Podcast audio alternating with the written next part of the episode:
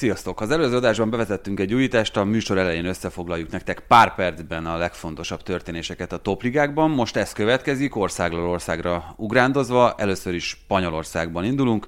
Doma, mi történt? A hétközben még edzőt avatott az Athletic Bilbao, ahol Gaisca Garitano helyére Marcelinót nevezték ki. Azonban Marcelino azt bánta, hogy a Barcelona egyre jobb formába kerül, Messi is egyre jobban játszik, és végül a San Mamesben 3-2-re nyert a Barca. Aztán jött a hétvége, ahol a kiváló formában levő Celta Vigo végül 4-0-ás vereséget szenvedett a Villarreal-tól, Emery sárga a tenger alatt járóra egyre jobban formálódik. A Sevilla Real Sociedad idézőjelben szuperrangadón kiváló játékot és még kiválóbb első negyedórát láthattunk. Youssef Ennesiri nevét érdemes megjegyezni, aki triplázott ezen a mérkőzésen. A Sevilla behúzta a találkozót. A Barcelona nagyon magabiztosan nyert, viszont a Real Madrid megfázott Pamplónában, ahol a zord időjárási körülmények között egyik csapat sem tudott betalálni. Úgy tűnik, hogy Zidán csapatánál továbbra sincsen minden rendben. Ami pedig a vasárnapi eredményeket illeti, azok között olyan izgalmas már nem volt. A Valencia nagyon közel van a kieső zónához, ami felettébb meglepő. Az Atlético Madrid mérkőzését elhalasztották, így tehát három mérkőzés hátrányban még mindig vezetnek a matracosok, ami óriási fegyvertény, viszont a Barcelona már harmadik, és újra versenyben van a bajnoki címért. Két fordulót is rendeztek Olaszországban, ennek a kettő fordulónak azért az élmezőnyből egyértelműen a Juventus volt a nagy nyertese. Először a Milán győzte le a Juve a hétközi fordulóban, 304 nap és 27 veretlenül megvívott találkozó után kapott ki ismét Pioli együttese, 3-1 lett annak a mérkőzésnek a vége, utána a Juventus ugyanilyen különbséggel verte a száz szólót a hétvégi bajnokián, ugyancsak 3-1-re. Ronaldo egyébként az egyetlen olyan a top bajnokságok tekintetében most már, aki a legutóbbi 15 szezon, mindegyikében 15 gólt szerzett legalább, de hát ugye volt, amikor ennél sokkal többet is. Az Internek, ha 8 mérkőzésből álló győzelmi sorozata szakadt meg a Sampdoria ellen, 2-1-es vereséget szenvedett Conte csapata, úgyhogy 0-0-nál még Alexis Sánchez 11-est hibázott.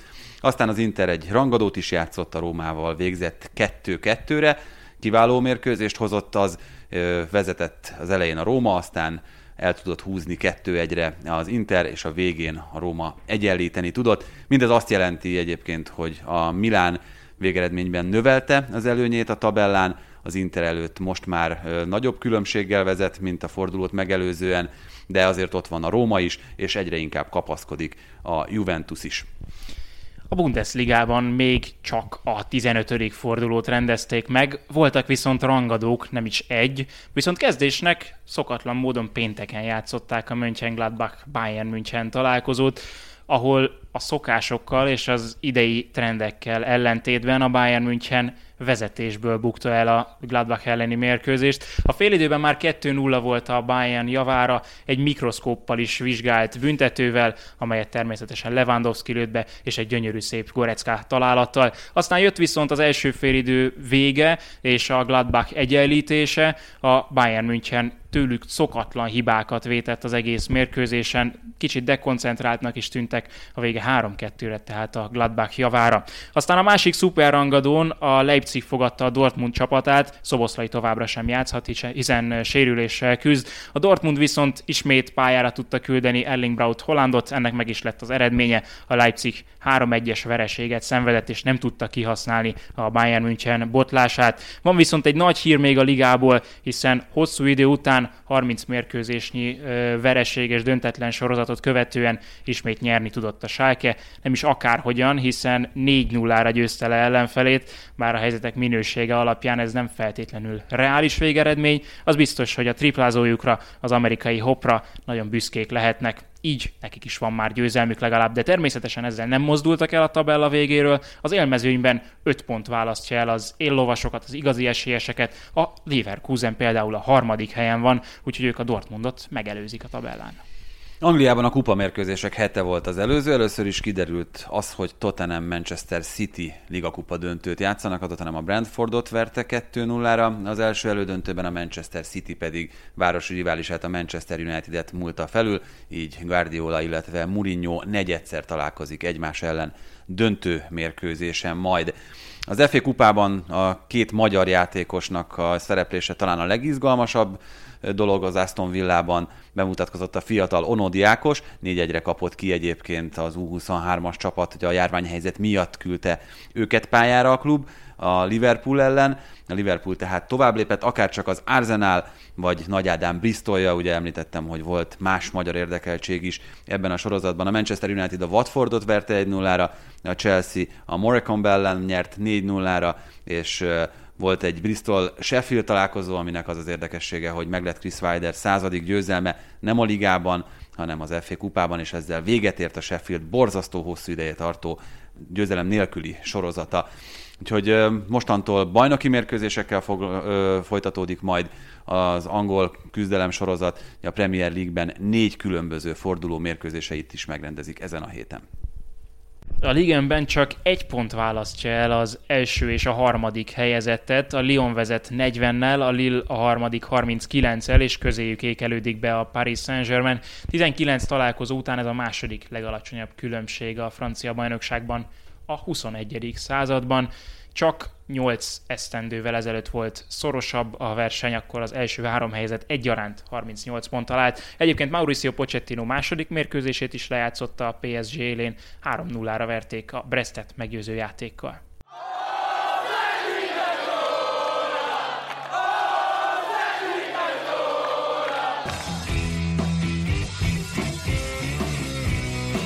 Ez a teljes terjedelem. Magyarország első futballpodcastja Baumstark Tiborral és Bognár Domával. Ezúttal Szarka András, a Digisport kommentátorát köszöntjük köreinkben nagy szeretettel, először ebben a felállásban. Én úgy emlékszem, és nem marad el természetesen a szokásos kvízjátékunk. Ma Onodi Ákossal fogunk majd beszélgetni az egyik magazin műsorunkban, a Britanniában. Egy roppant szimpatikus fiatalemberről van szó, de teljesen hivatalosan a klubon keresztül kérvényeztük az interjút. Szerintetek mi volt az egyetlen kikötése az Aston Villának, hogy mit nem kérdezhetünk tőle? Hát először is köszöntök mindenkit, és sziasztok, köszönöm a meghívást. Hát számolja össze, hogy mennyit védett. Úgyis olyan sok. Ellenne vele egy darabig. Nem tudom. Nekem is egy hasonló jutott eszem, hogy hogyan írják a nevét, vagy nem, nem tudom. Nem, majd uh, visszatérünk természetesen erre, mert foglalkozunk majd az angol kupa küzdelmekkel, de mielőtt igazán belekezdenénk a témákba, ezúttal is nagyon szépen köszönjük a menkév.hu-nak a támogatást, és ezúttal is szeretnénk arra felhívni a figyelmet, hogy nem kizárólag arról van itt szó, hogy férfi barlangokat, amit tudom, hogy Doma nagyon nem szeret, lehet berendeztetni Király László cégével, hanem akár, hogyha valaki sportos relikviákra pályázna, aláírt mezek, akár aláírt képek, amiknek ugye az értékéről már beszéltünk az előző adásban, hogy vannak olyanok, amelyek ugye itt az idő múlásával egyre inkább értékessé válnak. És mondjuk rendezettebb módon tudjátok otthon elhelyezni, mint hogy itt vannak ezek igen, a igen, még, e... igen még, még erre is kaphattok egyébként tippeket tőle, úgyhogy ez ügyben érdemes írni neki, hivatkozni ránk, és ez ügyben akkor mi ti is jobban jártok, hiszen kaptok mm, kedvezményt az összegből, és mi is, mert hogy akkor továbbra is támogat minket László. Na de akkor vissza itt az eseményekhez. Kicsit sokat kell feldolgoznunk belőlük, mert azért volt hétközi forduló, voltak kupamérkőzések. Én azt javaslom, hogy először gyorsan szaladjunk át az olaszországi eseményeken, mert hogy ott volt egy Juventus Milán rangadó, amin azért nagyon komoly dolgok történtek, 304 nap után veszítette el a veretlenségét a Milán nem tudom, hogy láttátok-e a meccset, vagy összefoglalót, mi volt az első érzésetek azzal kapcsolatban, ami, ami ezen a meccsen történt? Hogy vége a Milánnak kipukkadt itt, vagy, vagy azért ennél egy jóval cizellátabb dolog ez? Hát én összefoglalót láttam. Nekem az volt az érzésem, hogy nincs vége. Ez igazából ez a bajnokság, meg gyakorlatilag mindegyik bajnokság megnyerhető úgy, hogy mondjuk a akár mondjuk a Juventus elleni rangadót elveszíti a Milan, de a többit hozza, hogyha esetleg ugye a többiek veszítenek pontszámokat. Hát ez egyrészt ugye nagyon hosszú sorozat volt, és azért most már nem csak arról kell beszélni, hogy mondjuk volt egy nagyon jól kijövő szezon befejezés, mint mondjuk ugye amikor újra kezdődött a A is, hanem itt most már tényleg, ahogy mondtad, majdnem egy éven keresztül, vagy hát tíz hónapon keresztül húzódott ez a sorozat, és ez már eléggé jelentős. Meg a számaik alapján azért, tehát abszolút nem ilyen krónikus ö, felül teljesítők, vagy, vagy nem tudom, tehát hogy, hogy úgy, úgy tűnik, hogy azért ez alapvetően az, hogy ott vannak az élmezőnyben, ez reális, és most meg nekik alapvetően nem is volt különösebben szerencséjük így az állomány tekintve, hogy éppen hogy találta őket ez a meccs. És játékban is felvették abszolút a versenyt, szóval nem volt nagy különbség szerintem, és hogyha azt is hozzáveszünk, hogy kik voltak a hiányzók a két oldalon, akkor meg végképp hát itt nyílt a verseny. Igen, és itt azért arról érdemes szerintem beszélni, egyik barátommal pont ezt taglaltuk, hogy az látszott ezen a nagyon felforgatott, nagyon fiatal Milánon, hogy azért ehhez a Juventushoz képest rutintalan volt ez a csapat, és hogyha nem feltétlenül akarta volna ezt a meccset megnyerni Pioli csapata, ahogyan az a második félidő elején szerintem látszott, kicsit pragmatikusabb hozzáállással elképzelhető, hogy még ebbe a verésbe sem szaladt volna bele, persze most nyilván ez feltételezés, viszont mutatja azt, hogy, hogy milyen magabiztosság van továbbra is ezekben a srácokban. Az egyébként igen gyengén muzsikáló Torino ellen azért ez megint csak látszott kiütközött. Nekem egyébként annak a meccsnek a, a legszebb pillanata az Ibrahimovics melegítése volt, nem tudom, azt láttátok-e? hát az, az szenzációs volt, hogy nem, nem tudom mekkora embert így át, átlépett a lábával. De legalább most már nem találja el őket, szóval valamit finomodott a stílusa. Hát jó, de ez csávó, ez 40 éves, tehát hogy uh, én szertornáztam annak idején, és próbáltam hajlékony lenni és maradni, de hát úgy szakadnék szét, ahogy, ahogy kell az első ilyen megmozdulásra, úgyhogy tényleg félelmetes, hogy ahhoz egyébként, hogy valaki ilyen szinten laza és hajlékony legyen, én azt mondtam, hogy ahhoz szükség van arra, hogy, hogy ezzel minden nap, ezzel a tulajdonságával és készségével foglalkozzon az ember. Tehát ez nem csak úgy jön, hogy adottság, ilyen genetika adottságokkal született valaki, hanem ezért rettenetesen sokat kell tenni. Hát és ugye ez az intelligencia pluszban, hogy felfogja azt, hogy a testének mi a jó, meg mikor, és aztán valószínűleg ezt tartja magát. Mind a mellett, hogy ezért persze biztos a genetika sem rossz. Minden nap fejbe kell rúgnia valakit, és akkor... Igen, és ahhoz, ahhoz nem árt, hogyha hajlékony. Ugye itt az Inter szereplése abból a szempontból nagyon lényeges itt a Milán eredményeinek a figyelése kapcsán, hogy ugye ott is volt egy, egy botlás, az Inter 8 győzelem után szenvedett egy elég furcsa vereséget a Sampdoria ellen. Az a meccs egészen másképp alakulhatott volna, hogyha Alexis Sanchez berúgja a 11-es 0-0-nál. Nem sikerült, és utána még ráadásul az Inter játszott egy rangadót, ami szerintem a hétvége egyik legjobb meccse volt a Róma ellen. 2-2, ez két forduló alatt egy pont attól a csapattól, amelyik az előző 24-ből 24-et begyűjtött. Ugye tegnap a, a Spécia a Sampdoriát verte Uh-huh. Igen. Jó, akkor jó. Mire? Ez a Spéci agyon verte volna az Inter. A Spéciát és az Intert összeeresztik, akkor kialakult valami finomság? Hát igen, jó, hát most az Internél az ugye itt a Conte féle stílustól szokatlanul sok volt kapnak, és lehet, hogy... Meg sokat is rúgnak. Sokat, nagyon sokat rúgnak, mert na, hogyha már ugye éppen a Milán nem krónikus felül teljesítő, akkor ez a, például az Internél eléggé meglátszik, hogy ők azért eléggé... Alul teljesítenek. Nem, felül. Felül az Igen. Inter? Szerintem, szerintem az, mert lehet, hogy csak... csak 36 valamennyire hozzák a várható góljaikat, és ugye erre rúgtak 43-at. Aha, igen, e, e, e tekintetben igen. Nekem a... Ajaj. Na hogy, erre mit mondasz? Azt, hogy én nekem, ahogy látom az Intert, meg ahogy láttam egyébként a bajnokok ligájában is, meg a bajnokságban is, nekem mindig úgy tűnik, hogy most leszámítva persze ezt a nyolcas győzelem sorozatot, hogy ez a csapat ez sokkal készebb, kiforrottabb, jobb annál, mint amit a, a helyezése meg az eddigi eredményei mutatnak. Hát különösen ugye a bajnokok ligájában ott ez a két Ezt nem biztos, hogy megcáfolom. Ja, csak, hogy... De, de ja, persze, tehát hogy a, az XG modell alapján simán el tudom képzelni, meg el tudom hinni. Hát, ö, ott meg azért egyértelműen Lukaku és Lautaro ö, személye az, ami biztosítja ezt, a, ezt az egyébként felülteljesítést. Én a, az alulteljesítést arra mondtam, hogy egyébként szerintem annál jobban néz ki az Inter, hogy jelen pillanatban négy pontos hátrányban legyen a, vagy három pontos hátrányban legyen a, a Milánnal szemben. Nem olyan sok az. az hát az, a persze, meg hát Még főleg egy ilyen szezonban az, ez én is azt gondolom. A Juve is pótolja a meccsét, bár mondjuk ugye az Napoli ellen, de tehát ott ez elég sűrű lesz. Meg most a Juve, Juvénál is, bocs, kijöttek a, a sérülések. Én a Sassuolo meccset jobban figyeltem, és az szembeötlő volt, hogy ugye Kieza is mennyivel jobb most már, McKenny mennyire beilleszkedett a csapatba, és ezért ez a Juve ebből a szempontból nagyon följavult, hogy, hogy most már szinte minden poszton van két világklasszis játékosa, úgyhogy ott viszont az, hogy lesérült Dybala, azt hiszem hosszabb időre. Így van. Kéza és, és McKenny is McKenny játékára már, hogyha jól tudom, van esély az Inter elleni de hogy, de hogy azért ott is, ott is benne van ez a levegőben, viszont a Juvénak szerintem most a legmélyebb a kerete. Hát ez egyértelmű, ez azért tényleg évek óta így van, azért is jó, hogy említetted ezt, mert most ugye hétvégén római derbi és derbi d'Italia következik, már pénteken lejátszák a Láció Rómát, azzal a Rómával, amelyik, amelyik nagyon jól mutat továbbra is, Mkhitaryan azt hiszem még mindig mondhatjuk, hogy élete formájában focizik, és nézve ezt Csak a... el kellett hagynia. Igen. hát London meg Manchester, tehát hogy azért Angliát. szerintem ott, igen, tehát hogy ott szerintem egyszer sem teljesített olyan jól, mint előtte a Dortmundban, meg mint ahogy most ö, játszik, meg szerintem itt a Róma esetében, és Rómáról majd sokat fogunk beszélni a következő heti adásban, mert Szaniszló Csabi érkezik hozzánk, de annyit most már mindenképpen érdemes velük kapcsolatban elmondani, hogy ö, itt az Inter elleni meccsen mutatták meg azt, hogy nagyon komoly tartása van ennek a csapatnak.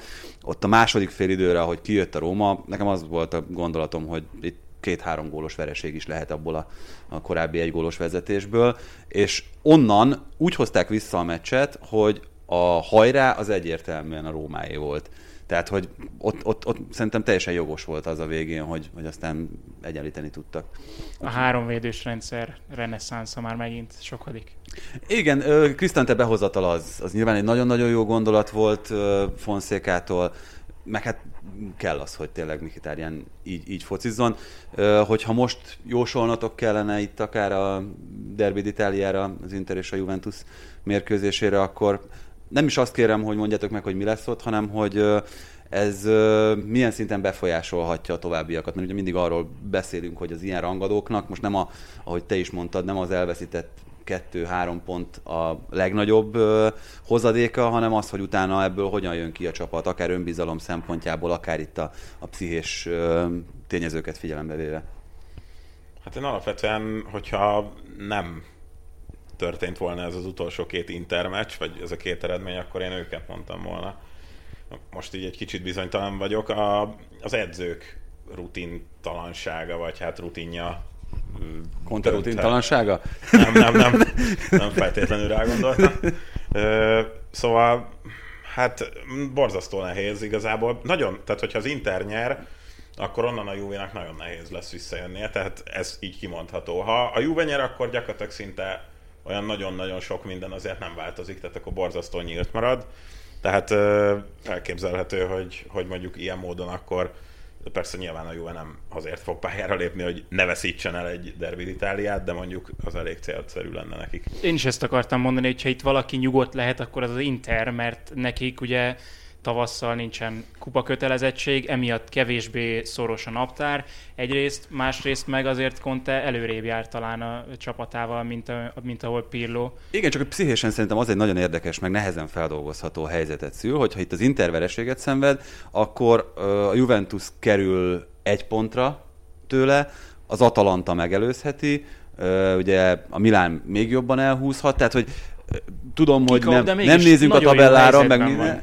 Világos, csak akkor azért az, annak már kicsit olyan más optikája van, nem? Hogyha ott közelít a Juventus, megelőzött az Atalanta, beért a Napoli, tehát hogy azért... De ez... erre mondom, hogy, hogy, hogy még így is nagyon jó helyzetben van, szóval, hogyha Contest át tudja ültetni a játékosokba, hogy nyugi, nem kell izgulni, akkor szerintem utána is jobb pozícióban van. Igen, mindenképpen jobb helyzetben van az Inter, egyetértek még vereséggel is de ott már ugye egy, egy nyeretlen szériáról is lehet beszélni, és akkor az, annak a lélektana sem mindegy.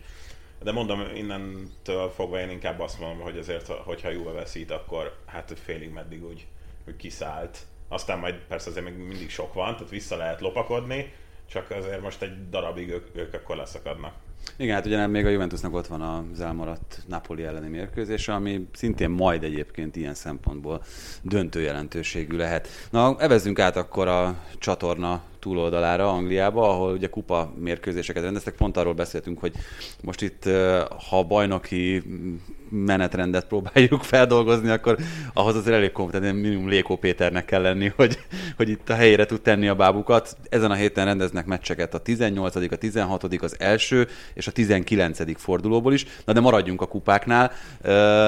Ugye itt elsőként szerintem a Liga kupáról érdemes annyiban szót ejteni, hogy összejött a Classic, hogyha már Angli- Angli- Angliában vagyunk, a mene- menedzseri klasszikó. Ugye itt Guardiola és Mourinho között. Én megnéztem egyébként, ugye nagyon ritkán találkoztak ők döntőben. 24 meccsük volt már egymás ellen, és egyszer volt az a spanyol királykupa döntő 2011-ben, amit Ronaldo... Szemkiszúrós vagy? Vagy ez nem az? Nem, az, az, az egy sima bajnoki. Az bajnoki, Mindegy, az, mindegy. vagy, vagy, vagy lehet, hogy szuperkupa volt. Azt szerintem szuperkupa volt, mert az volt a másik, az egy kétmeccses párharc volt kettőjük között, azt elbukta, ugye azt a kupa döntőt megnyerte, és az európai szuperkupa, az a Bayern Chelsea volt még az, ahol, ahol döntőben találkoztak, ott ugye Lukaku kihagyott 11-ese döntött a végén. De talán egyetértetek velem, hogy ha azt mondom, hogy az egyetlen valamire való kupát ö, azt azért Mourinho hódította el a kettejük összevetésében. Mit, mit gondoltok erről? Hát Egyébként Guardiola sokkal jobban áll. És akkor az még visszatérve Lékó Péterre, hogyha összeszorzod ezeket a számokat, akkor megkapjuk az élő pontszámodat. Na mindegy. A, igazából biztos, hogy, hogy ez egy, tehát a Liga Kupa rangjához mértem, vagy hát hogy is mondjam, szóval, hogy ez egy nagyon-nagyon jó döntő lett, és a, a Liga Kupa ennél jobb a promót így el sem képzelhetett magának, hogy így egy ilyen döntő... De ez jó, hogy- Melyik, melyik igen. csatorna adja a Liga De-? Tudjátok? De ez jó, hogy, ez jó, hogy mondod, mert ezzel kapcsolatban pont az FA Kupa meccsek előtt kialakult egy kis vita itt az edzők között, és Ártéta mondta azt, hogy a Liga Kupa bizonyítja, az elmúlt évek Liga Kupája bizonyítja, hogy, hogy csapatok számára nagyon fontossá vált az, hogy valami fajta trófeát nyerjenek. Nem a csapatok számára, Guardiola és Mourinho számára Az edző, folyamatosan a, a menedzserek hogy- számára. Így van. De hát ugye, figyelj, végül is, ha belegondolsz, akkor edzőként, játékosként, klubként, hogyha a vitrínbe teszel egy, akár egy ligakupát is, az, az lehet, hogy a szurkolók emlékezetében, sőt, egész biztos vagyok benne, hogy a szurkolók emlékezetében tovább él, mint hogy harmadik vagy negyedik lettél az adott bajnoki szezonban. Igen, ez egyébként nagyjából alá tudom írni, meg emlékezetesebb, meg főleg, hogyha, hogyha egy ilyen párharcban van. Ez nagyjából azért elég hamar kiderült, ugye Mourinhoéknál, hogy erre ők azért eléggé mennek. Ugye gondoljunk, hogy hogy ment be az öltözőbe, amikor a Chelsea-t kiverték még ö, ö, büntetők után, és ö, ott azért nagyon látszott azon a reakción, hogy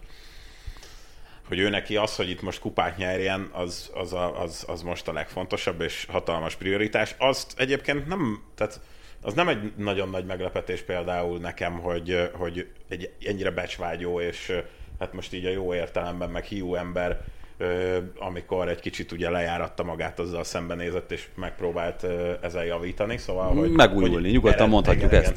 Hogy eredményt hozott, az, az szerintem teljesen egyértelmű, hogy egy ilyen kalibertől nagyjából ez is volt várható. És mondjuk, hogyha megnézzük, hogy az első bajnokin ez a mérkőzéskép hogy nézett ki, akkor akár azt is lehet mondani, hogy, hogy a Spurs még akár esélyesnek is hívhatjuk. Bár a City egyre jobb. Bár egyre jobb, és meglepő módon a City a védekezésével hasít most nagyon, úgyhogy és akkor ilyen módon ugye rá lehet akkor arra térni, hogy nyilván majd ott a Kénszon párost, hogy kell megfogniuk, de, de nagyon, nagyon izgalmas lesz, úgyhogy hát tényleg ez, ez tényleg most, főleg így a menedzseri párosítással, ez ennél jobbat nem nagyon lehetett tenni a Liga kupával. Akkor szólna igazán nagyot, hogy az FA kupában is City Tottenham döntő lenne. Most nem is tudom, nem néztem, mert ugye itt előre sorsoltak azt hiszem az ötödik körig, hogy ott uh, mi a következő. Van Á. még te se, te se kalkuláltál? már? De kalkuláltam. A... Szomorú vagy. Igen, igen, mert, mert a City valahogy Nagyon jó sorsolást kapott megint. nem csak a negyedik, hanem az ötödik Igen. körre Aha. is, de nem semmiféle összeesküvés elmélet nincsen itt a háttérben, csak Hát pláne úgy, hogy egyébként, Ezek ahogy tények. néztem, kettő élvonalbeli párharc jött össze, a Fulham Burnley, meg a Manchester United Liverpool, tehát hogy Hát meg a az- Southampton Arsenal lehet, hogyha ugye... Ja, így van, persze, ott ugye azt még nem tudjuk a, a, annak a továbbjutóját.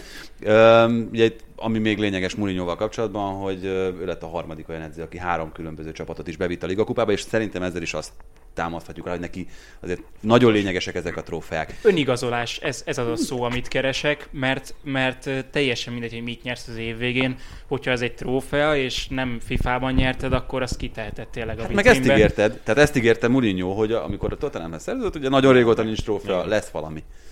Hát valami. Guardiola meg maximalista, és ő meg mindent be akar gyűjteni. És- a Liga kupát ezt meg mostanában eléggé szépen elrejtette mindenki el. Nem is emlékeznek a többiek, hogy néz ki. Hát és ebben szenzációs egyébként Guardiola, hogy tehát ez annak köszönhető szerintem, hogy ezeket a kupasorozatokat, az FA kupát és a Liga kupát is ilyen szinten tudja hozni a City minden évben, hogy ö, ugyanúgy, mint amit Fergusonról nagyon sokszor elmondtunk, olyan konkrét terve van szerintem hetekre, akár hónapokra előre is, hogy kit, mikor, milyen helyzetben használ, hogy olyat nem látsz tőle, hogy egy Liga kupa meccsen, akár egy harmad vagy negyedosztályú ellenfél ellen ő egy ilyen nagyon tartalék csapatot küldene föl. Szerintem most ö, itt a bajnokok ligájában az utolsó egy-két fordulóban volt olyan, hogy, hogy nagyon látványosan pihentetett, de hát ezt meg a jelenlegi sűrű menetrend igazolta. Amit mondtál a védekezéssel kapcsolatban, ugye a Unitednek azzal sikerült talán leginkább kihúzni a méregfogát abban az elődöntőben, hogy a United játékosai pont a Leeds ellen, szerintem ez nagyszerűen látszott, hihetetlen jók egy az egy elleni küzdelmekben, támadó értelemben. Ugye Rashfordnak is ez az erőssége, Bruno Fernandesnek különösen, de akár Marciát is említhetjük, mint aki, aki a 16-oson belül is képes megverni a maga emberét. Hát lehozta úgy Ruben Dias és Stones a meccset, hogy egyetlen egyszer nem jutottak túl rajtuk, ami azt jelenti, hogy ez most a standard páros a City-nél? Mert azért nálam Stones még mindig egy kicsit lejjebb van, mint Laport. Nálam is, de annyira jól játszik, hogy igazából nem tudsz mit csinálni, tehát nem, nem lehet belekötni. Tehát, hogy hiába, hiába, hiába rossz játékos, túl jó. Laport, gyerünk már! Én már többször is egyébként itt ilyen mindenféle beszélgetésben nagyon vártam, hogy Laport visszatérjen, de Laportnak ugye elvileg, hogyha jól értesültünk, akkor ugye annyira a hozzáállásával sem volt feltétlen elégedett, tehát hogy Laport lehet, hogy arra pályázott, hogy akkor őnek itt előjogai vannak ebben a védelemben, és akkor erre Stones meg oda lépett, és ez egyébként nagyon nagy dolog, ahonnan ő felállt. Hát és főleg úgy, hogy, hogy van egy olyan alaphelyzet, most persze csak tippelgetni tudunk, de szerintem ez volt az alapállás ott a védelem kialakításában, hogy oké, okay, hozzuk Ruben Diást, ő az első számú jobboldali középsővédőnk, és akkor van Laport, és mögé hozunk egy akét, hogy ha esetleg vele valami történik, akkor legyen. És aztán a kettő közül egy sem játszik, tehát hogy elvétve esetleg, és, és bejátsza magát az a Stones, aki ha nagyon nincsen más, tehát körülbelül szerintem ez volt a szezon előtt a, a szituáció. Ehhez képest meg most tényleg gyakorlatilag, hogy ha komoly meccsről beszélünk, akkor Guardiola ezt a kettőt Abszolút. fogja fölküldeni. Abszolút. Ez szinte biztos. Annyit azért várjunk ezzel, hogy mennyire tart ki a jó formája, mert erre nagyon kíváncsi vagyok. Az, az már megint csoda, hogy Guardiola egy játékossal mit tudott csinálni. Nem hiszem, hogy ez más edzőnél előfordult volna, hogy Stonesból így hirtelen egyik pillanatról a másikra jó védő lesz, vagy jobb, mint ami korábban volt, csak mondom, ezt a kiegyensúlyozottságot még azért várjuk ki, hogy tudja elhozni. Hát igen, ez, ez volt azért legtöbb szezonban vele, a leg, vele szemben a leginkább hangoztatott kritika, hogy oké, okay, hoz jó meccseket, tehát hogy játszik sokszor hetesre, nyolcasra akár, de, de azért elég sokszor becsúszik a négyes. És ne sérüljön meg. Igen, ez meg, a, ez meg a másik. Úgyhogy az egy mindenképpen izgalmas döntőnek ígérkezik. Ugye Szulsjár irányítás alatt most először sikerült elődöntőt sikerrel venni a, vagy, na bocsánat, most sem sikerült sikerrel vennie, tehát hogy mind a négy elődöntő. Igen, és ugye ebben voltak azért olyanok, amik szerintem különösen fájók itt a, az FA Kupa tavaly, az Európa Liga az előző szezonban, és ugyanez a helyzet szerintem, mint amit itt mondtunk Mourinho meg Guardiola kapcsán, hogy hát ha valakinek, akkor neki egy, egy trófea az olyan igazolás lehetett volna, amivel így belevigyoroghatott volna másoknak a, az arcába, hogy Hát ő nem az, ő nem az a típus, vagyok? ez nem az, ő nem ne, az a típus, persze. aki ezt így az órára köti másoknak, viszont az elgondolkodtató, ugye, hogy Fergusonnak 20 x év alatt nem volt ennyi elbukott elődöntője, szóval neki csak három volt, az hiszem. Hát igen, ugye itt ez a korszakos csapatépítés, vagy hát nem tudom, tehát hogy, hogy ez az utolsó lépés megtétele, ez azért nagyon fontos, és itt akkor például Bruno Fernandes, aki villog, és akkor tényleg minden superlatívusz el lehet vele használni, vagy vele kapcsolatban használni, csak amikor egy ilyen mérkőzés van, akkor meg hát nyom egy ilyen mérkőzést, ami hát eléggé nagy semmi volt, így tőle is. És akkor ugye erre mondta Roy Keane, hogy hát ugye, mert hát Angliában már ott verte mindenki a nyálát, hogy hát Cantona megvan az új. Mm. És akkor ott ilyen, ezt így érdemes, hogy így Keane, hát ő nem egy ilyen nagyon hogy mondjam, ilyen érzelemdús ember, és akkor egy ilyen nagyon, nagyon kis finom mosolyt így eleresztett, hogy igen, azt mondtátok, hogy ő az új kantóna. Jó, hát egyébként az, amit Bruno Ferendes teljesít, megcsinál, az, az egészen félelmetes. Tehát, hogy arra, arra nagyon nehéz jelzőket, meg szavakat találni egyelőre. Itt is tényleg az a fő kérdés ezzel kapcsolatban, jó, lenyomott így egy évet, tehát, Igen. hogy most már ott tartunk, de hogy ezt, ezt mondjuk képes-e úgy szezonokon keresztül fenntartani ezt a szintet, mint ahogy De Hát jó, például. meg, meg képes-e mondjuk kollektívában gondolkodni, mert most ugye egyénben gondolkodik, ez leginkább mondjuk akkor volt, amikor Van de Beek-kel játszottak, és így oda ment a nyakára. Hát na nehogy Van de Beek nem tud jól játszani, na add oda a labdát, igen, egy, igen. kis szőke gyerek. Igen. Doma egészen közelről ért át az FA kupa örömeit és küzdelmeit, és itt örömről beszélhetünk mindjárt az első mérkőzésen az Aston Villa és a Liverpool találkozásán, mert hogy szerintem senki nem számított arra, hogy, hogy Onodi Ákosnak ilyen meccse lesz. Ugye a pontos szám az 11, ami, amikor közbe kellett avatkozni, a 8-at védett, ami között voltak egészen szenzációsak. Mindenkit arra biztatok egyébként, hogy nézzék meg, mert, mert élmény volt látni azt, hogy Mané Salah és ilyen, ilyen világsztárok ellen egy, egy fiatal magyar kapus így helytáll, mint ahogy ő, ő helytált. Hát ez biztos, amikor ugye készültünk a meccsre már itt a Spielerben, és néztük, hogy ismerünk-e valakit az U23-asok közül, és akkor egyszer csak szembe jött ez az Onodi név, és Hát ő, hát ő kezdett legutóbb, csak az a baj, december 18-án játszott utoljára a meccset az U23-as Villa, és amúgy is nagyon gyengén állnak egyébként. Üm, és, és nézzük, hát ki, ki más kerülhetne be, és akkor gyorsan ki Twitterre, hogy nem kell elkapkodni, lehet, hogy ő kezd. Mi van, hogyha ő kezd? Mert az angolok meg semmit nem küldtek az égvilágon, szóval, hogy a, a nem tudom, ki közvetítette odakint, de hogy addig, amíg a meccs előtt közvetlenül ki nem írták messzámmal a kezdőt, addig sehol semmilyen információ nem volt, csak az Aston Villa hivatalos oldalán, amikor kijöttek a nevek de ott se voltak számok, és ugye Somos Ákos kommentálta, és, és mondta, hogy valahonnan találjatok nekem számozott kezdőt, mert így borzalmasan nehéz lesz kommentálni, és csak akkor jött ki, amikor a, a hivatalos kezdőt kiírták, de nyilván, amikor megtudtuk, hogy ő kezdeni fog, akkor nagyon-nagyon örültünk, mert az lett nyilván, amit kaptuk, vagy amit, amire számítottunk, a meccsképe, hogy 98-2 volt a labdabirtoklási arány így százalékban, és tényleg nem, nem tudott semmit csinálni a, az Aston Villa, de így, hogy ő védett, így, hogy tudtuk, hogy lesz dolga, és, és jól helytált, és ráadásként még az a Barry gól ott az első félidő végén, ez többet, többet nem is kérhettünk volna szerintem. Elárulom, a, jaj, bocsánat, én mondtam, hogy ilyet ne. Szóval elárulom arra a kérdésre a választ, amit föltettem nektek, és tök logikus egyébként, meg magától értetődő, Jack Grealishről nem kérdezhetjük őt, még az sem, hogy milyen a viszonya vele, és tökéletesen értem egyébként a klubot, mert ugye Grealish olyan szintű világsztár most már Angliában aztán különösen, hogy ha bármit mondanak szegényről, hogy akkor mit tudom én, milyen edzéseken vagy, akkor mennyit gyakorol, akkor vagy ő nem gyakorol annyit, akkor ezt szerintem azonnal kiforgatnák, és ezt nem tudják kontrollálni. Azt hittem, hogy valami a szerződéséből. Nem, nem, nem. Igazából... Vannak azért itt grill is fanok ebben az országban, lehet, hogy mindenki rászabadul, hogy mesélj már valami. Igen, nem, hát, és mondom, hogy teljesen... Én is nagyon bírom. Hát azért. szerintem nagyon nehéz nem bírni Igen. őt, úgyhogy, de, és persze készültünk grillis demóval, meg minden, azt, azt utána kidobtuk a kukába, természetesen tiszteletben tartjuk, aztán egyébként a klub részéről uh, jött egy ilyen pontosítás, hogy igazából az első csapatról nem szeretnék, hogyha véleményt formálna a szereplésükről, meg a, és ezt is, ezt is szerintem maximálisan respektálni, meg, meg, meg érteni lehet. De azért milyen, milyen érdekes, nem, hogy, hogy, hogy tényleg Grill is olyan szinten van már itt a sztárságnak a, a létráin, vagy a lépcsőfokain, hogy, hogy ő, őre már külön fel kell hívni a figyelmet így.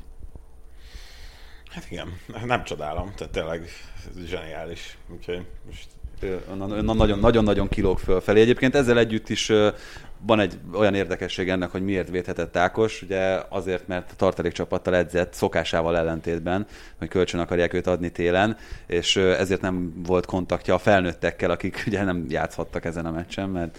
mert... erre mondhatnám, hogy szegény Martin az azt hitte, hogy lesz egy csapat, ahol első számú kapus lesz sokáig. De nem. Egyébként arra nagyon kíváncsi vagyok, és ezt még nem, nem beszéltük meg Ákossal, mert tegnap sikerült kicsit hosszabban telefonon beszélgetni vele, hogy hogy milyen a viszonya például Emiliano Martinezzel, vagy, vagy Tom Heatonnál, mert szerintem ez is egy... Heaton uh, kiírta Twitterre utána, hogy, hogy gratulál. Nagyon, meg, igen, neki nagyon tetszett a teljesítménye. Volt. Ez, ez korrekt. Sokan hmm. kiírták ugye nyilván, hogy a játékosok közül, hogy minden rendben, meg gratulálunk, meg, meg nagyon jó volt ez így, de az, hogy amikor külön kiemelnek, akár itt Twitteren, az, az nagy és dolog. És Heatonnek azért lehet egy riválisa, tehát nyilván mondjuk Martinez persze marad, de Szóval hát ez, hosszú távon mindenképpen, igen. tehát hogy uh, itt igazából az a kérdés, hogy azért egy fiatal kapusnál ezt mindig kiszokták emelni, hogy neki nem feltétlenül kell megelégednie. Úgy, mint ahogy Martin az éveken keresztül megelégedett az Arsenalnál a másodhegedű szerepkörével, hogy az, az nem biztos, hogy a fejlődését segíti. És jól gondolom, hogy Winston Bogarde fia játszott ugye le már még a villában. Valamilyen rokoni kapcsolat volt.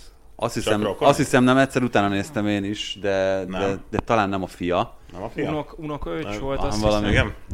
Valami, valami rokoni kapcsolat. Egyébként, hogyha már Hollandia, tudom, hogy te szereted meg, egy ilyen nagyon rövid kitérőt talán megérdemel, hogy uh, a hétvégén rendezték az Ajax PSV meccset 2-2, és bevallom én... Volt az is. Egyrészt, egyrészt láttam az összefoglalóból, hogy, hogy nagyon jó mérkőzés volt, másrészt meg számomra nagyon meglepő volt, hogy milyen nevek játszanak a két csapatban, mert viszonylag régebb óta nem figyelem őket, és az Eron Zahavi, aki korábban a Palermo-ban játszott, ugye ő rugott kettőt, hogy Roger Schmidt a, a vezetőedző, bocsánat, még, még azzal sem voltam teljesen tisztában, úgyhogy van mit bepótolnom a holland futballban. Igen, hát ott az Ihattaren nevű fiú, őt például nagyon érdemes nézni, meg az Ajaxban. Hát Grafenberg. Grafenberg, igen. Hát ő, ő szenzációs, ő ugye a BL-ben is már megmutatta. Tehát mennyi, 18 8, éves? Igen. Hát ő, ő, tehát az biztos, hogy szerintem remélhetőleg nem történik vele semmi, de ő lesz a következő ilyen hát del- deliktáron értékesített. Így, ezt akartam mondani, hogy akivel bankot robbantanak. És még igazából ugye, aki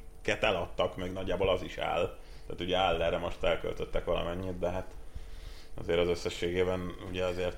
Igen, tehát hogy ez, ez nagyon furcsa, hogy, hogy ilyen gazdasági és financiális potenciál van még ezekben a klubokban, holott ugye arról beszélünk, hogy mindenkit egy kicsit megnyekkentett ez a, ez a járványhelyzet. Ez szímnek való fordulat volt a financiális potenciál, ez nagyon De amúgy azt akartam még ezt mondani, hogy, a, hogy ez inkább az edzőkről szólt, nem ez a meccs. Szóval az, az egy óriási dolog, hogy, hogy Roger Schmidt ott van, és Ten Hag meg még mindig ott van. Szerintem azért az, hogy milyen játékot játszottak, az jelzi, hogy, hogy mekkora edzők ők.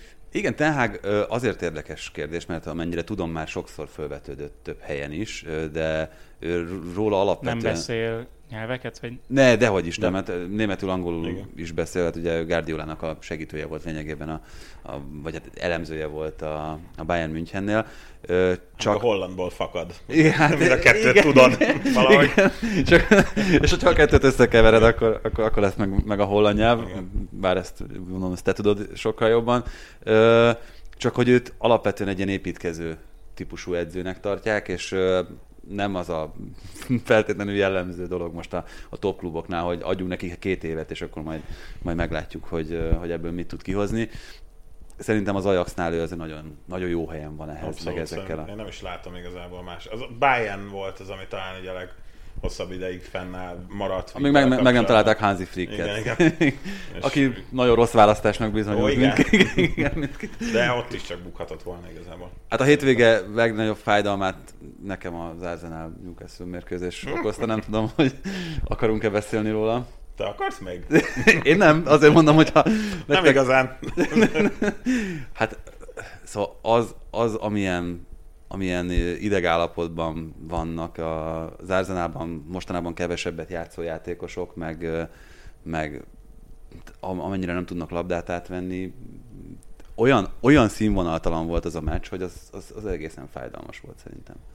Még jó, hogy nem láttátok Pete-et közben, ahogy nézte a meccset. Gondol, el tudom képzelni, hogy, hogy de, de tényleg azért nagyon ritkán látni ilyet szerintem ezen a szinten, és az Arsenal ugye miután folyamatosan azért labdabirtoklási fölényben volt. Newcastle ellen ki nem. hát nyilvánvaló, de, de hogy ezzel milyen szinten nem tudott mit kezdeni a rengeteg pontatlanság és technikai hiba miatt, az döbbenetes volt. És, és onnantól kezdve kezdett el játéka kialakulni az Arsenalnak, amikor bejöttek Smith Rowe-ék. Igen, de és még annak ellenére még igazából nem is mondanám azt, hogy ez volt így az első 90 percet tekintve a legrosszabb Arsenal-meccs. Tehát, hogy ezért ennél voltak.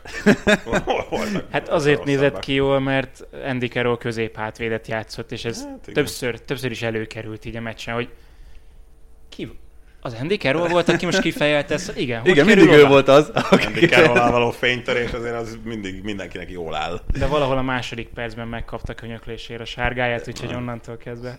Nem szokott pedig, nem értem, hogy miért, miért mindig őt bántják. Ja, Nagy Ádám még is tovább jutottak, és ha már itt arról beszéltünk, hogy mi az FA kupának, meg a kupasorozatoknak a rangja, akkor volt szerencsém Ádámmal is beszélgetni egy kicsit, és ő is nagyon érdekes dolgot mondott azzal kapcsolatban, hogy, hogy mennyire fontosak a kis csapatok számára is ezek az FA kupa mérkőzések. Ti ilyen jóban vagytok? Hát nem ilyen jóban, nyilván itt a, még az Olaszország. Na, közben fölhívtad, aztán fölvette a telefont, és uh-huh. wow. Hát pontosabban itt az történt, hogy visszahívott, mert... Még jobb. Mert úgy, tehát az volt a kérdés, hogy azzal egy időben játszott a Chelsea meg a Manchester City, és hogy csak akkor adjuk az ő meccsüket, hogyha van esély a játékára. Uh-huh. És hát ilyet ugye nem mondhat el, úgyhogy azt mondta, hogy keretben lesz. Azon, a, azon a meccsen, de egyébként nagyon jó fej volt, mert ez azt hiszem talán csütörtökön volt ez a hívás, és mondta, hogy még ma megcsináltak egy, egy koronavírus tesztet, és holnap visszahív, hogy annak mi az eredménye, mert hogy az holnapra derül ki, és akkor válik biztossá, hogy, hogy akkor ez mi lesz. Hogy keretben lesz. Hogy ez, igen, ez, ez, de egyébként meg azt is mondta, hogy úgy gondolja, hogy játszani fog. és egyébként játszott is, szerintem, amiben még többet tudott fejlődni, az a, az a gyorsasága, tehát hogy egészen elképesztő, hogy milyen sebességgel közlekedik a pályán Ádám. Igen, nekem még mindig egy picit az az érzésem, hogy, hogy fölöslegesen fut, de, de az látszott, hogy, ugye korábban nem volt stabil kezdő, itt viszont ilyen meghatározó embernek számított. Egyébként meglepően jó meccs volt ez a Bristol Portsmouth, 4-4-2, azt vártuk volna, hogy ívelgetnek meg, meg hasonló, de nem nagyon színvonalas volt, és földön tartották a labdát mind a két csapat. Mindegy, és az első fél időben nagyon mélyen játszott az Ádi, és, és csak inkább osztogatott. Aztán a második fél idő elején, mikor döntetlen volt, valószínűleg szólhatott az edző nekik, hogy próbálj meg egy kicsit gólt szerezni, följebb menni, és akkor volt igazán ez a, ez a box-to-box középpályás az ád, és akkor tényleg rengeteget futott, és általában jó helyre, szóval az, az nagyon jó volt látni, amikor a támadásokból is így aktívan a végén is kivette a szerepét. Na, csak annyit akartam még itt ezzel kapcsolatban mondani, hogy mennyire fontos ezeknek a kis csapatoknak a, a kupa. Ugye az FA kupát azt részben a BT-vel együtt a BBC adja, és elképesztően lényeges ezeknek a csapatoknak, hogy mondta, hogy abban bíznak, hogy sikerült tovább jutni a Portsmouth ellen, és a következő körben esetleg valami nagy csapatot kapnak, és akkor esetleg a BBC-n is képernyőre kerülhetnek, ami nekik, nekik hatalmas dolog, meg hatalmas történés itt a klub életében. Olyannyira, hogy azt mondta Ádi, hogy hogy ha választaniuk kellett volna, ugye elmaradt pont a hétvégi ö, bajnoki mérkőzésük, ha választaniuk kellett volna a kettő között, hogyha pihentetni kell, akkor melyiken pihentessenek inkább, akkor inkább a bajnokit áldozzák be. És ez azért egy nagyon, nagyon érdekes, meg egy, egy nagyon... Hát ebben szerintem szerepet játszik az is, hogy most hol vannak a bajnokságban. Szóval, igen. hogyha ott lettek mm. volna, vagy ott lennének most a top 5-ben, lehet, igen. Akkor egy picit máshogy gondolkodnak, de így féltávhoz érve azért már látszik, körvonalazódik az, hogy aki ott elő van, az úgy nem fogja kiengedni a kezéből azt a playoff Az az igazi nagy pénz, hogyha, igen, hogyha igen, igen, igen, igen, Vagy a Premier League-ért játszol. De öm, ezt viszont most nem, nem jut eszembe hirtelen, kit kaptak? Hú, nem, nem, én sem. Nem, nem, tényleg csak a... De, jó sok csapat van, Igen, meg, meg túl, túl, meg. túl, hosszú még a, a lista. Ja, uh, vagyok, Millwall. Millwall volt az, igen, igen, igen, igen, bocs. Na, hát még jól nem lesznek szurkolók. Más, másodosztályú párosítás, akkor... Ja. Van, van esélyük. Meccs, persze. Igen, hát ugye nem tudom, akartok-e még valamelyik uh, ilyen FA kupa párharcról esetleg beszélni, nyilván itt a Leeds kiesése, ami hát egy egyet azért csak megemlítenék, ez a Marine Tottenham, ez, ja, ez, ez, ez aranyos, nagyon aranyos. Így is, úgy is, bárhonnan nézzük, ez nagyon izgalmas volt, és, és voltak szurkolók. Igaz, a, ez a, a, a, gázduda, a gázduda az, az engem kicsit ilyen vuvuzela féle hangulatra emlékeztetett, hogy már úgy voltam vele, hogyha még egyszer valamelyik megnyomja, akkor töröm azt a képernyőt.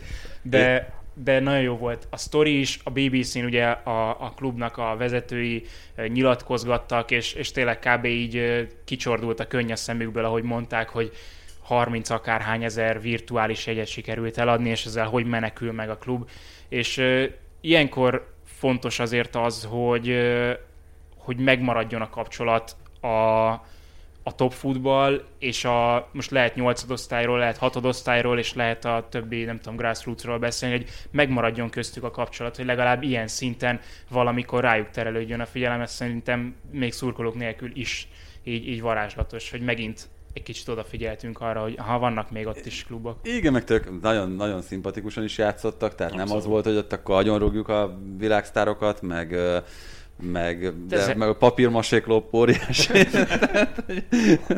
ezek, ezek tényleg a jó sztorik, amik miatt, és pont ezt akartam mondani, hogy nagyon érdekes azért a fiamat nem tudom egyszerűen leültetni foci meccset nézni. Ennél itt maga, ő maga mondta azt, hogy ezt, ezt nézi. Próbáltad lekötni. Hát már, már igen, már leszíjaztam egy párszor a tévé elé, minden, azokat is elvágja, hogyha, hogyha úgy van, de ezt itt, de ezt itt magától leült, és, és érdekelte. És, és City végig. Pool, ne, apa, hagyj De el Igen, menint Tottenhamet akarok nézni. No, van még sok olyan dolog, amiről szerintem érdemes beszélni. Ugye itt próbáltuk figyelemmel követni a hatalom átvételt Párizsban. Pochettino most már túl van az első két meccsen, szerdán akár meg lehet az első trófeája is.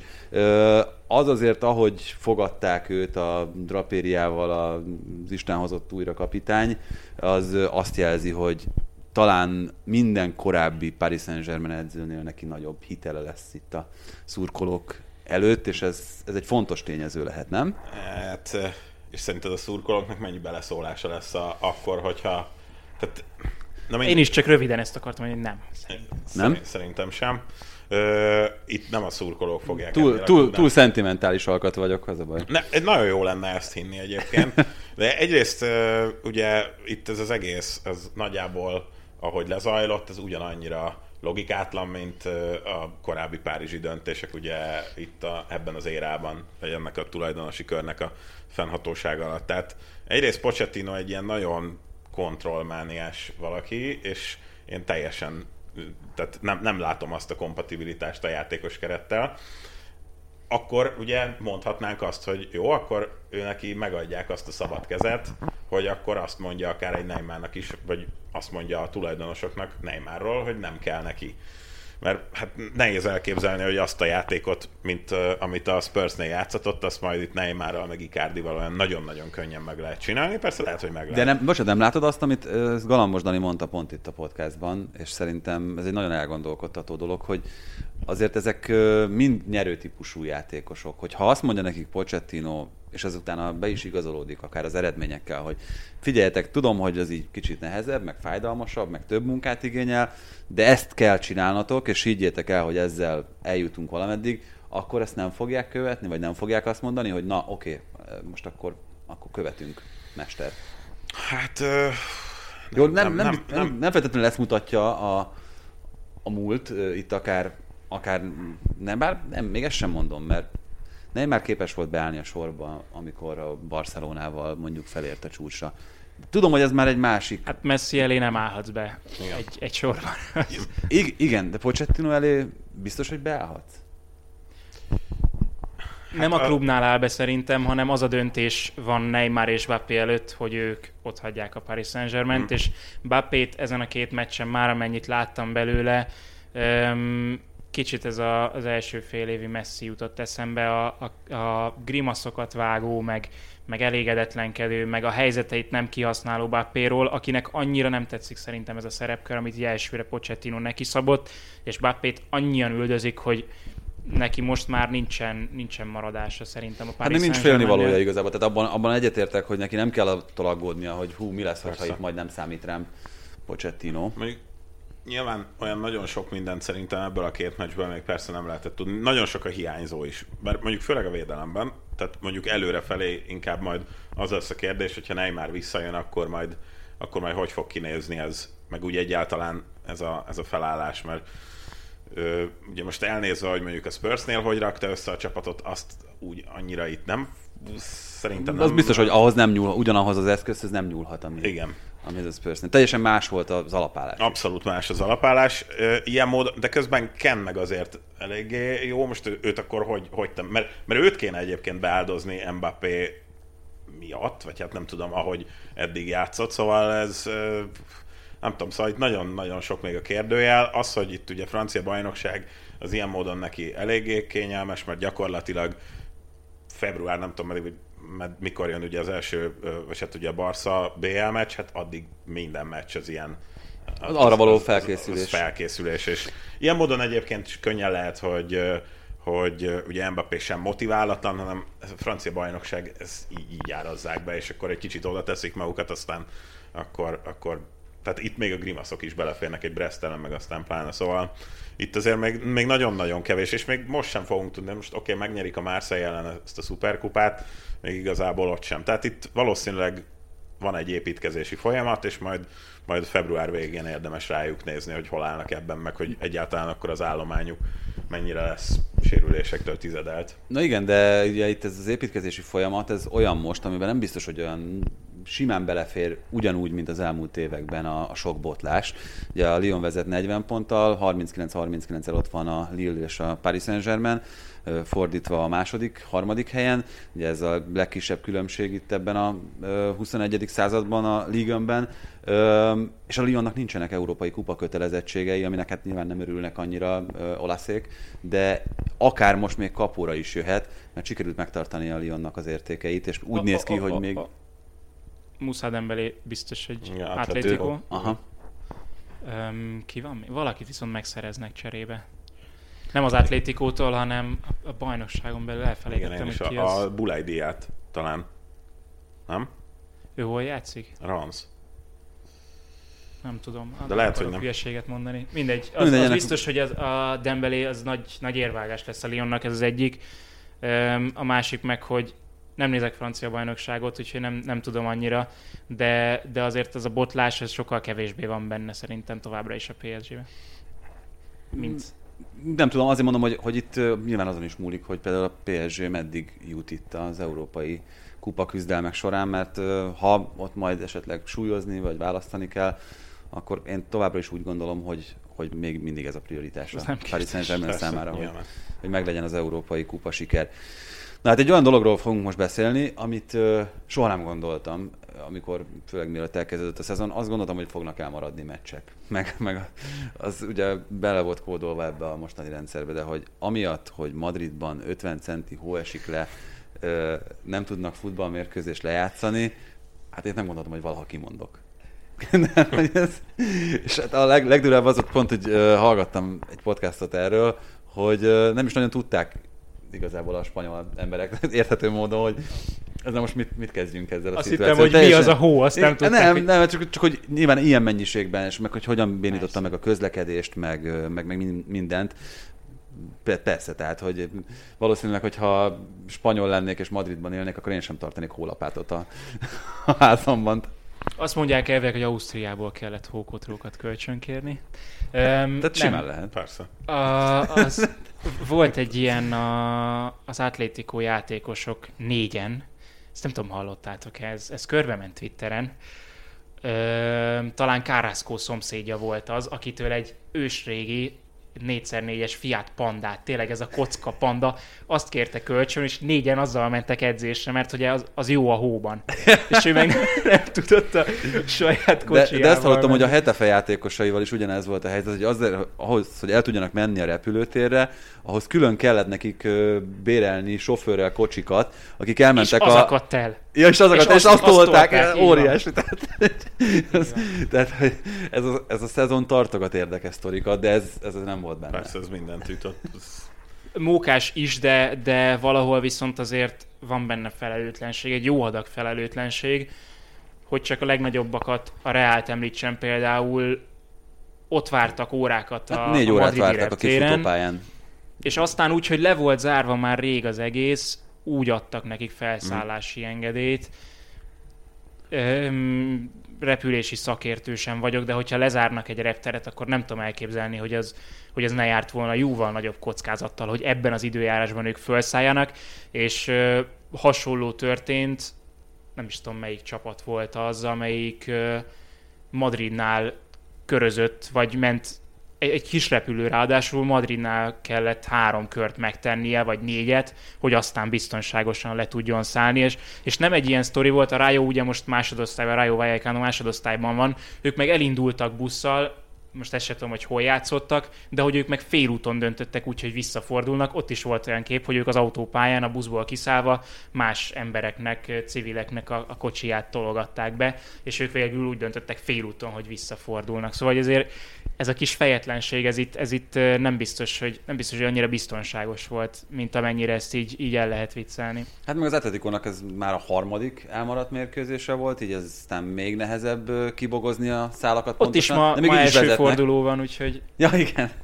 pótolnak. Igen, viszont ugye itt még visszatérve egy gondolat erejéig a Real Madridhoz, ugye Zidane nem a repülési nehézségeket emelte ki, hanem a rossz talajt itt az Osasuna ellen, ami kicsit nekem meglepő volt, miután ugye azt lehetett hallani, hogy Kroos maga mondta azt, hogy ez rendben volt ez a, ez a pálya, meg lehetett rajta játszani. Ha valamit, itt, valami miatt itt panaszkodni kellett volna, gondolom, vagy mondom én, akkor az sokkal inkább azok a körülmények, ahogyan eljutottak oda, nem? Tehát, hogy inkább a frusztráció beszélt Zidánból. Hát egyszerre szerintem meg nincsenek is hozzászokva ott az utóbbi években ahhoz, hogy, hogy ilyen hidegben játszanak, mert ezt, ezt Angliában nevetve eltűrik ott viszont tényleg be kellett hozni azokat Tom, a meg, meg egyenesen kívánják, tehát hogy ott, ott ennél melegebb van, az rossz. Csak hogy ott nincsenek hozzászokva ahhoz, hogy tudjátok ezeket a nagy mm, keréken guruló hősugárzókat be kelljen tolni, és a legtöbb stadionban a kisebb ja, csapatoknál az, egy, nem senki nincs hozzászokva. Egy vagy kettő. Nem, hát Angliában nyilván jóval kevesebb a napsütés, és ott, ott sokat használják. Az Osasunánál azt hiszem az a szerencsé, hogy most volt ö, négy olyan, amit így be tudtak tolni, és akkor melyik a legfontosabb hely, ahol melegíteni kell a pályát, meg a talajt, és akkor ott gyorsan felszállították, plusz 30 munkás lapátolta a havat, úgyhogy azért bőven volt ott munka.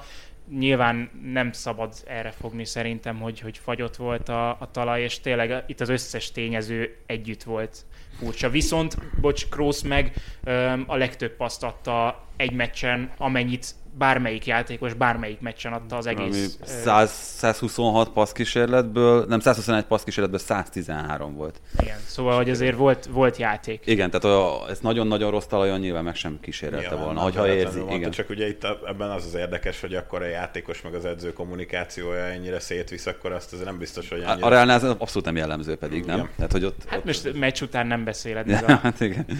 igen és elfelejtettem megkérdezni Krooszt, hogy nem volt szar a pálya, de... De, de. Mert én azt mondtam.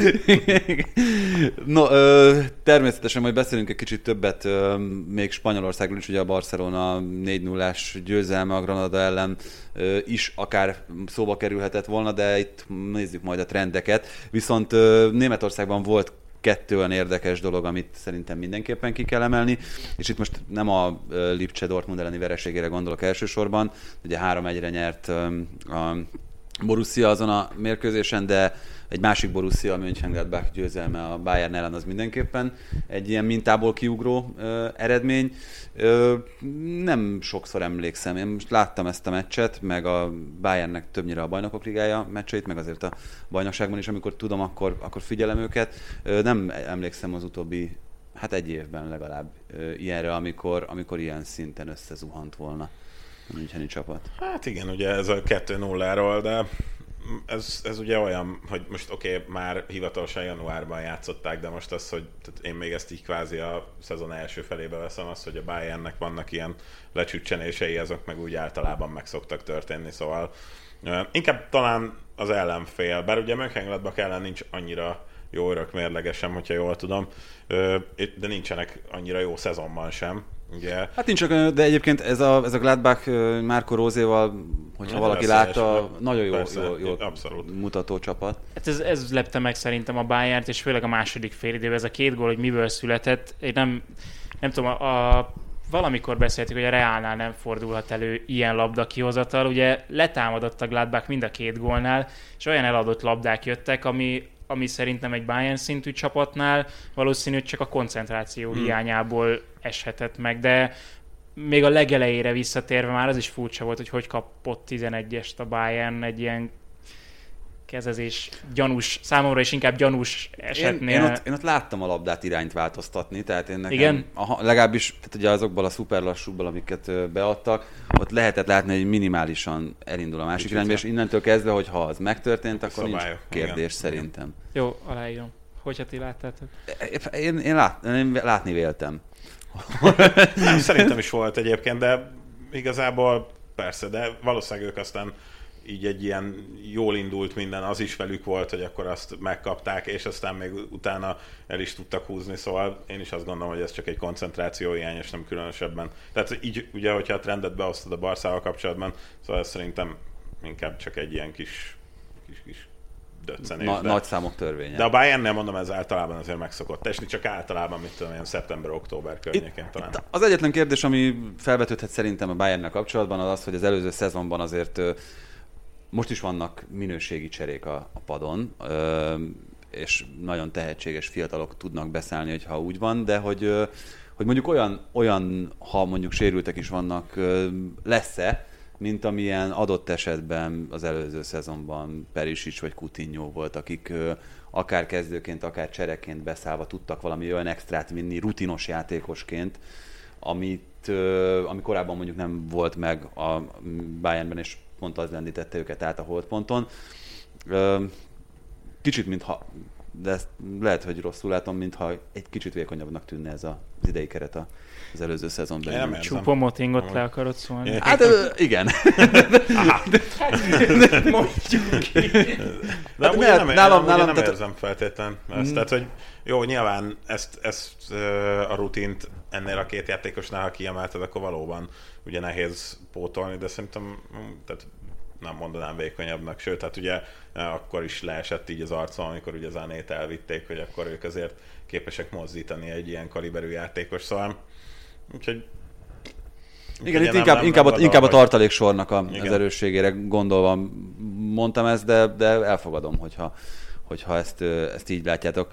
Öm, még a másik meccs, ami, amiről szerintem mindenképpen szót kell ejteni, az a Schalke győzelme. Ö, 4-0-ra sikerült a... mi, mi is az, igen? 30 ve- vagy nyeretlen meccs után.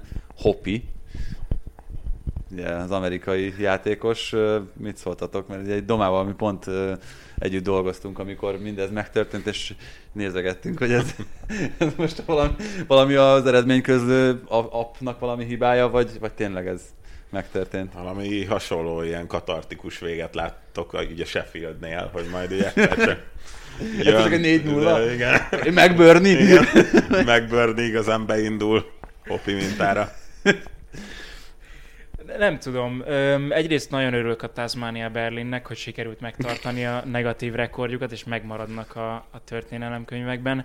Másrészt viszont az szerintem tényleg sorsszerű, hogy valaki olyannak kellett itt hősnek lennie, aki, akinek nincs igazából köze az eddigiekhez. és Igen, valaki kívülről érkezőnek mindenképp. nem, nem tudom, ez meglep, meg ö, nem hiszem, hogy ettől bármi változna, vagy, vagy, ö, vagy jobb lenne. Hát egész egyszerűen csak van egy, van egy győzelem a nevük mellett. És Hát akkor- 2021-re vártak, hogy Ja. elkezdődjön. Mhm. Ez azért, és akkor már Jönnek mindjárt, egymás mindjárt, minden, szállnak? mindjárt minden más. Ö, egy lépéssel még azért megyek csak vissza ö, Spanyolországban, mert ö, meglehetősen szánalmasnak tartom ezt az állandó igyekezetet, hogy hozzuk össze az El Clásicót a spanyol szuperkupában. Ugye most itt a helyzet is ezt indokolta, miután nem játszották le a kupadöntőt, és akkor így szét lehetett osztani a baszkokat, hogy, hogy akkor játszon. És ugye három helyszínen, hogyha jól, jól emlékszem, hogy jól tudom. Ugye Malagában játszanak, Kordobában egy elődöntőt, és Sevillában lesz majd a, a döntője. ja, igen, igen, igen. A Cartuja stadionban, ahol szerintem kb. 10 éve nem volt foci meccs. Na, tök jó. De legalább talán ott nem is fog havazni. Jó, de ez, ez nem, vagy hát kilókat a lólát persze, hát mindenki Barcareát akar, csak ez, ehhez mit szóltok? Hát, nem Ha a. Liga kupának van értelme, Igen. akkor ennek is. Hát akkor valahogy teszünk neki értelmet, na hát akkor, és akkor szét, jó, hát most azért nyilván akkor ezt így nagyon vissza lehet vezetni így erre a két osztatúságra, így akár ugye világfutball szinten, amíg még ugye Ronaldo is ott focizott, de szerintem őre most már kár. Hát a spanyoloknál nyilván volt némi marketing érték, de ezt mondjuk Doma biztos jobban ö, tudja itt a, ugye a ligából ö, eltűnő Ronaldo miatt egy ilyen ö, csökkenés, és most gondolom ezt valahogy azért a maguk Az előző szezonban ez volt, Igen. ugye csak most, most abból a szempontból volt ez könnyebben magyarázható, hogy miután nincsen kupa győztesük, ezért a két kupa döntős az, az akkor valamilyen módon kapjon lehetőséget arra. Hát, milyen jó lenne, ha lejátszanák a kupa döntőt. A, igen. Tehát, hogyha a két baszk jutna be a, Igen. a döntőbe, Ez és akkor biztos Sevillában ők. Ne zárjuk ki ennek a Amúgy lehetőségét. igen. Akár. Áprilisban ők amúgy is játszanak egy, egy kupadöntőt, ugye a tavait. Nem, bocsánat. Az komoly lesz, arra, arra várnak, hogy végre lehessenek szurkolók, és az, hogy Sociedad Bilbao döntő van, Sevillában lesz az, az is ebben a Kártuhás stadionban, az egy óriási dolog, és tízezrek indulnak majd el északról délre. Hát reméljük. reméljük ahogy Szoboszlai mondta, lehet. akár gyalog is. és ők ott lesznek. Ah, igen, a baszkokat ismerve ez, Ez biztos. ez valószínűsíthető.